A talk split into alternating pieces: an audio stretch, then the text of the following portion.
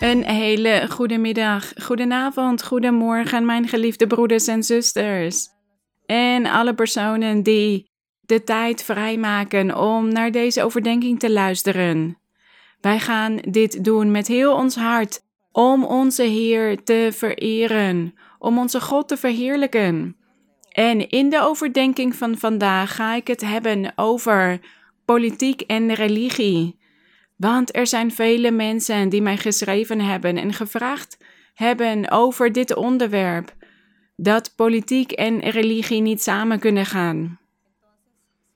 Maar als wij hier op een logische manier naar kijken, naar deze kwestie van politiek en religie, als wij logisch zijn, dan moeten wij erkennen of begrijpen dat dit allemaal door God is gegeven sinds het begin van de schepping.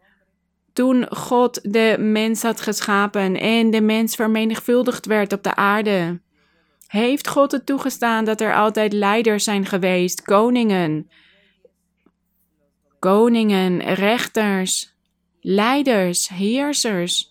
Tot op de dag van vandaag staat God dit toe, zodat er orde is in de wereld zodat er een orde is in de samenleving, dat het georganiseerd is, dat regels worden nageleefd. Dat niet iedereen maar doet zoals, laten we zeggen, zoals de dieren in de jungle. Maar dat er orde is, regels. Dus politiek en religie hebben met elkaar te maken. En God heeft dit toegestaan. God heeft altijd mensen aangesteld om te heersen, om leiding te geven. En daar gaan we ook een aantal versen over lezen, die hiermee te maken hebben met politiek en religie. En laten we beginnen in Genesis hoofdstuk 41. Genesis 41, vers 34. Dit is de geschiedenis van Jozef, de zoon van Jacob. Hij was verkocht door zijn broers en hij was naar Egypte meegenomen. En God had hem daar genade geschonken. In de ogen van de farao. En de farao had hem uiteindelijk aangesteld als de tweede man in Egypte. Hij had hem de leiding gegeven over Egypte. Waarom? Omdat God hem die capaciteiten had gegeven en hij had hem gaven gegeven om dromen te verklaren. En zo is hij uiteindelijk een leider geworden over Egypte. Dat staat hier beschreven in Genesis hoofdstuk 41 en laten we vers 34 lezen. Want hier gaat het over dat Jozef een droom van de farao had uitgelegd dat er zeven jaar van overvloed zou komen en daarna zeven jaren van hongersnood. En Jozef had daarom de farao raad gegeven en gezegd: Stel iemand over uw land aan, wijze mannen, zodat jullie in die zeven jaren van overvloed eten verzamelen, bewaren voor die zeven jaren van hongersnood die zullen komen. En in vers 40 zei de farao tegen Jozef: U zult zelf over mijn huis gaan en heel mijn volk zal uw bevel eerbiedigen. Alleen wat de troon betreft zal ik meer aanzien hebben dan u. Dus we zien hier dat Jozef de tweede man van Egypte was. Want de farao had hem aangesteld als leider, als heerser, als aanvoerder. En hij zei: Alleen wat betreft de troon ben ik boven u, ben ik belangrijker. De troon is voor mij. Maar daarna bent u de belangrijkste man hier in Egypte. Dus wij zien hoe hier politiek vermengd was met religie, want Jozef was een zoon van God. En God had hem deze zegeningen gegeven, deze genade en deze gaven, zodat hij leiding kon hebben over het land. Dat is wat de geschiedenis ons hier vertelt. En laten we een ander voorbeeld bekijken. Eerste Samuel. Eerste Samuel, hoofdstuk 8. Eerste Samuel, hoofdstuk 8, vers 20. Hier gaat het over Saul, die als koning werd uitgekozen door God. Want het volk van Israël vroeg God om een koning. Zij wilden een koning hebben, net als alle andere landen. Want alle buurlanden hadden een koning en zij wilden zelf ook een koning hebben die over hen zou heersen. En God was hier eerst boos om geworden, maar daarna zei hij tegen de profeet Samuel: Ja, geef hen maar dat verlangen, geef hen maar een koning. Stel een koning over hen aan. En God besloot toen dat het Saul moest zijn als eerste koning over Israël. 1 Samuel 8, vers 20. Hier gaat het over dat het volk het niet eens was met Samuel, want Samuel had tegen hen gezegd dat God koning over hen wilde zijn. Waarom vroegen ze een fysieke koning als God hun aanvoerder wilde zijn? Maar het volk zei nee, wij willen ook een koning, net als alle andere landen. Vers 20. Dan zullen wij ook zijn als al de volken. Onze koning zal ons leiding geven en hij zal voor ons uitgaan en onze oorlogen voeren. Dat is wat het volk wilde. En de Heer zei toen tegen Samuel: Luister maar naar hen, naar dat dwaze volk, dat opstandige, koppige volk, en sta toe dat zij een koning hebben die over hen heerst. Dus die koning, koning Saul, de eerste koning van Israël, was aangesteld door God zelf. Maar als we terugkijken in de geschiedenis, dan zien we dat er sinds de tijd van Adam leiders zijn geweest, aanvoerders, heersers. God stelde hen aan en hij zette hen ook af. Hij stond alles toe. En in 1 Samuel hoofdstuk 9, het volgende hoofdstuk, hier wordt Saul tot koning gezalfd. En in vers 17 staat: Toen Samuel Saul zag, gaf de Heere hem te kennen: Zie, dit is de man van wie ik u gezegd heb: deze zal over mijn volk heersen. Dus God had Samuel laten zien, hij had hem geopenbaard wie de koning moest zijn. En dat dit Saul was. En zoals ik dus zei, God had eigenlijk hun koning willen zijn, hun heerser, hun aanvoerder, maar zij wilden zijn als alle andere volken. En God gaf hen dat verlangen. En daarom stuurde hij Samuel om Saul tot koning aan te zetten, aan te stellen. Dus dit was de koning, de eerste koning die over hen zou heersen. Dus we zien dat politiek met religie te maken heeft. En in 2 Samuel, hoofdstuk 23, 2 Samuel 23, vers 3.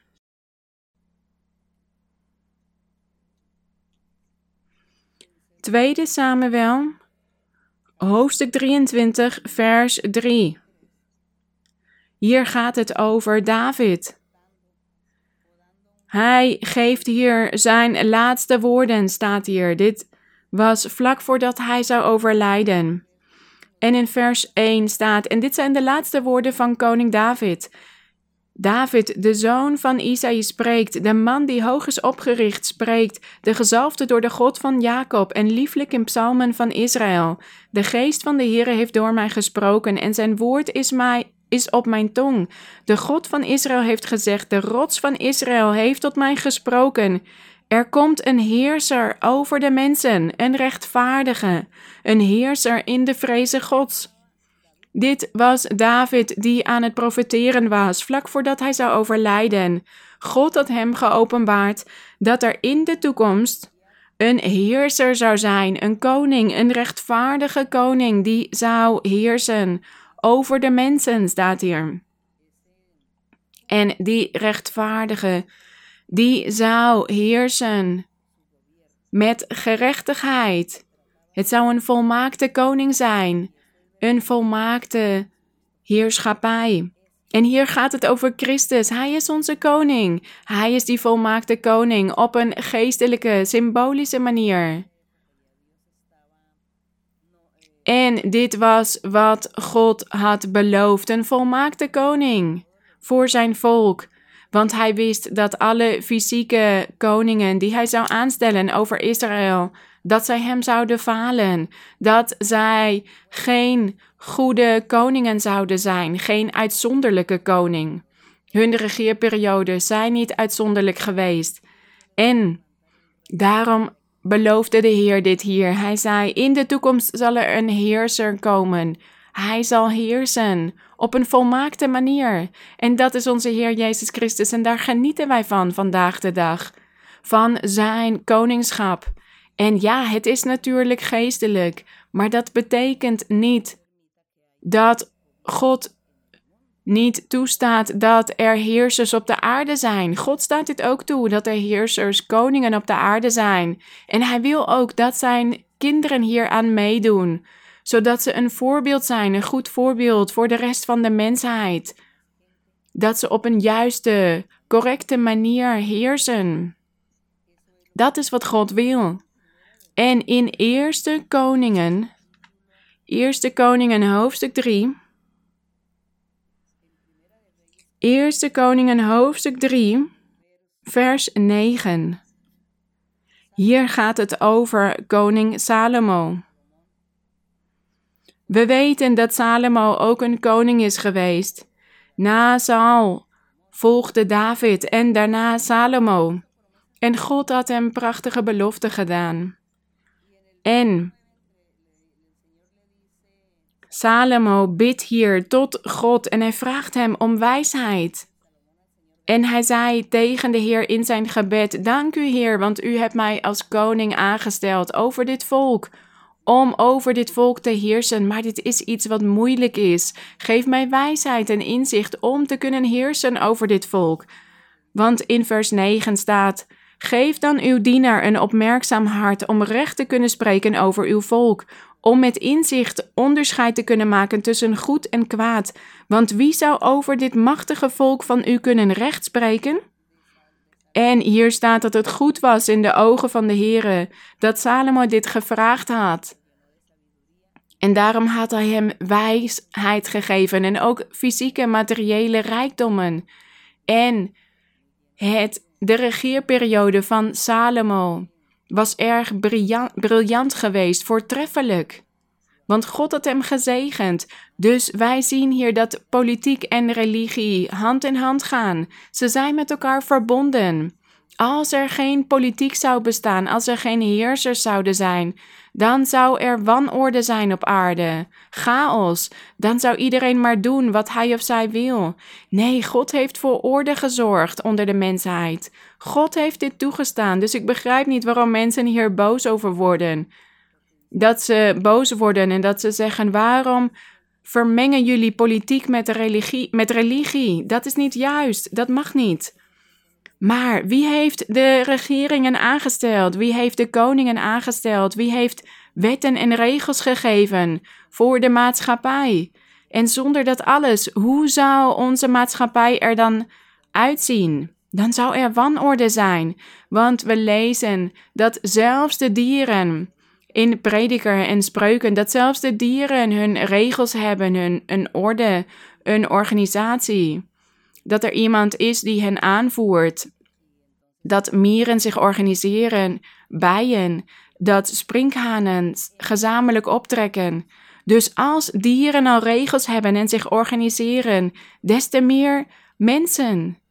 Dus laten wij niet verwerpen wat God allemaal heeft aangesteld.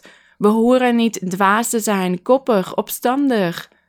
Want we kunnen spreken over vele dingen die we eigenlijk niet eens begrijpen. Maar het is beter om de Bijbel te lezen en de weg van de Heer te begrijpen.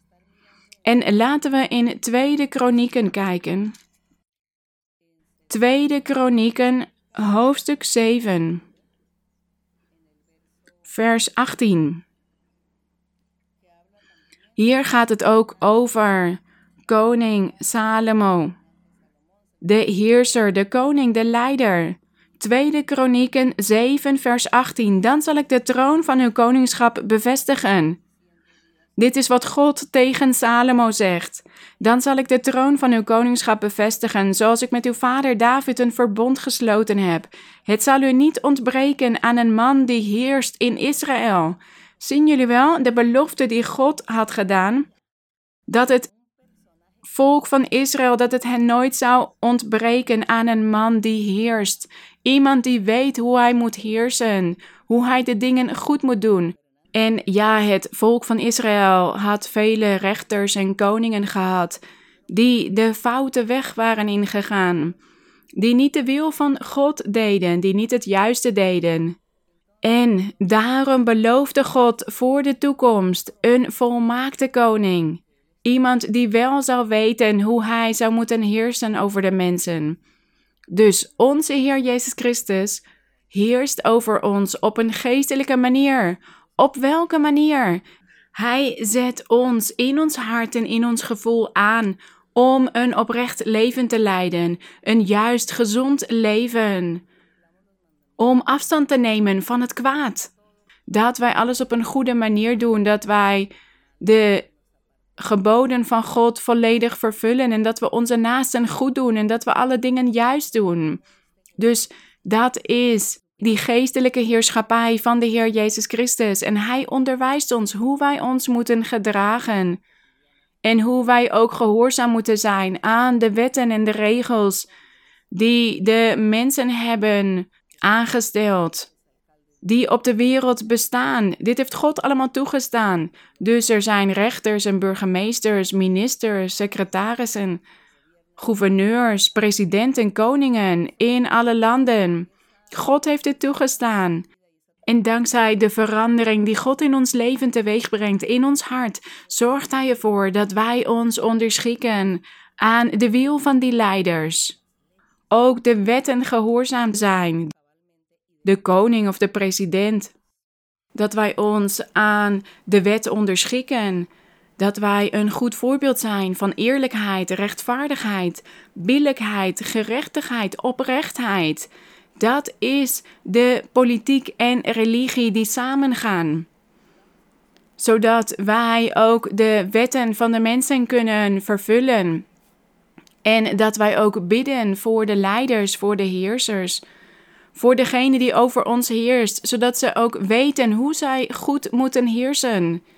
En God zal ook zijn kinderen, onder zijn kinderen, zal hij ook mensen uitkiezen die zullen leiden, die over landen zullen heersen, die zullen stralen, zullen schijnen als iemand die vol waarden is en normen, die alles op een juiste, oprechte manier doet en die laat zien dat we op een juiste manier kunnen regeren. Naar de wil van onze God. Dat is wat God wil. En ja, er zijn ook vele slechte leiders op de wereld, maar God heeft dit toegestaan dat zij aangesteld zijn ook al zijn zij slechte leiders als we naar de meningen van mensen kijken.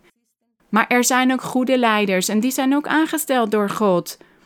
En mensen zeggen dat die leider goed is of dat die leider slecht is. Maar God heeft dit allemaal toegestaan, zodat wij weten hoe wij ons moeten gedragen, hoe wij de dingen goed moeten doen, dat we rechtvaardig moeten zijn, eerlijk, dat we de dingen juist moeten doen, een goed voorbeeld moeten geven. En dat we altijd op de rechtvaardige weg blijven lopen om een goed voorbeeld te geven aan alle anderen, zodat anderen in ons ons getuigenis kunnen zien, ons voorbeeldige leven.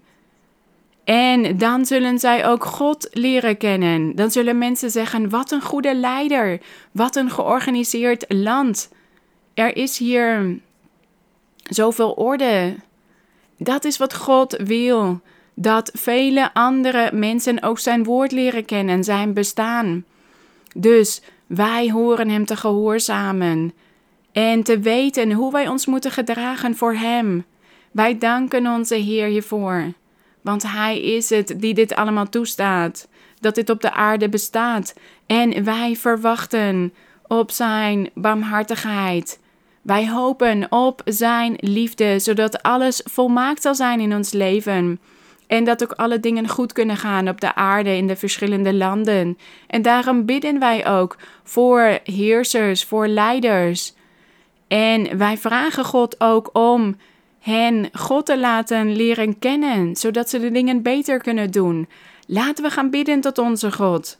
Gezegende God, Vader van onze Heer Jezus Christus, Vader van onze koning, die koning die u hebt aangesteld om over de mensen te heersen. Die koning die over ons heerst op een geestelijke manier en hij reinigt onze ziel. Hij verandert ons hart en hij helpt ons om een oprecht leven te leiden. Voor uw aangezicht. Wij danken u, mijn Heer, want wij hebben dit allemaal aan u te danken. U bent de enige die mensen kan veranderen, die harten kan veranderen.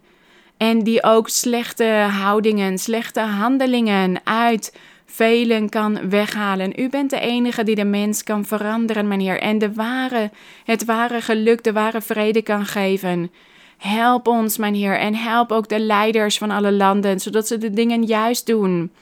Geef hen een goed geweten, zodat ze alles gaan doen met liefde voor hun naasten. Heilige Vader, zegen hen allemaal, zodat ze de dingen juist gaan doen en zodat u hierdoor behaagd wordt.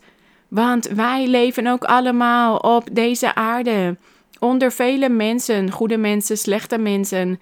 Maar wij hopen op uw barmhartigheid, uw liefde en uw goddelijke bescherming. Wij danken u, mijn Vader. En ik bid ook op dit moment tot u voor al diegenen die ziek zijn, die pijn hebben. Ik vraag u om hen te bevrijden, om hen te reinigen, om hen te genezen, kwalen weg te nemen, pijn. En genees ook van dit virus dat heerst over de wereld op dit moment. Bescherm velen en bespaar vele levens, mijn Heer, zodat ze u nog kunnen leren kennen, uw wegen. Hemelse Vader, in de naam van uw Zoon, de Heer Jezus Christus, trek uw genezende hand uit en genees. En neem ook hekserijen en tovenarijen en bezweringen weg. Vernietig het werk van de duivel, neem vervloekingen weg. En zegen iedereen, elke man, elke vrouw, geef blijdschap, vrede, rust, vreugde. We danken u, mijn Vader, in de luisterrijke naam van uw Zoon, de Heer Jezus Christus. Wij vragen u dit allemaal. Uw barmhartigheid is tot in alle eeuwigheid. Wij danken u voor al uw weldaden. Halleluja. De glorie en eer zijn aan onze God. Mogen de Heer jullie zegenen. Ik hou van jullie met heel mijn hart. God zegene jullie tot binnenkort.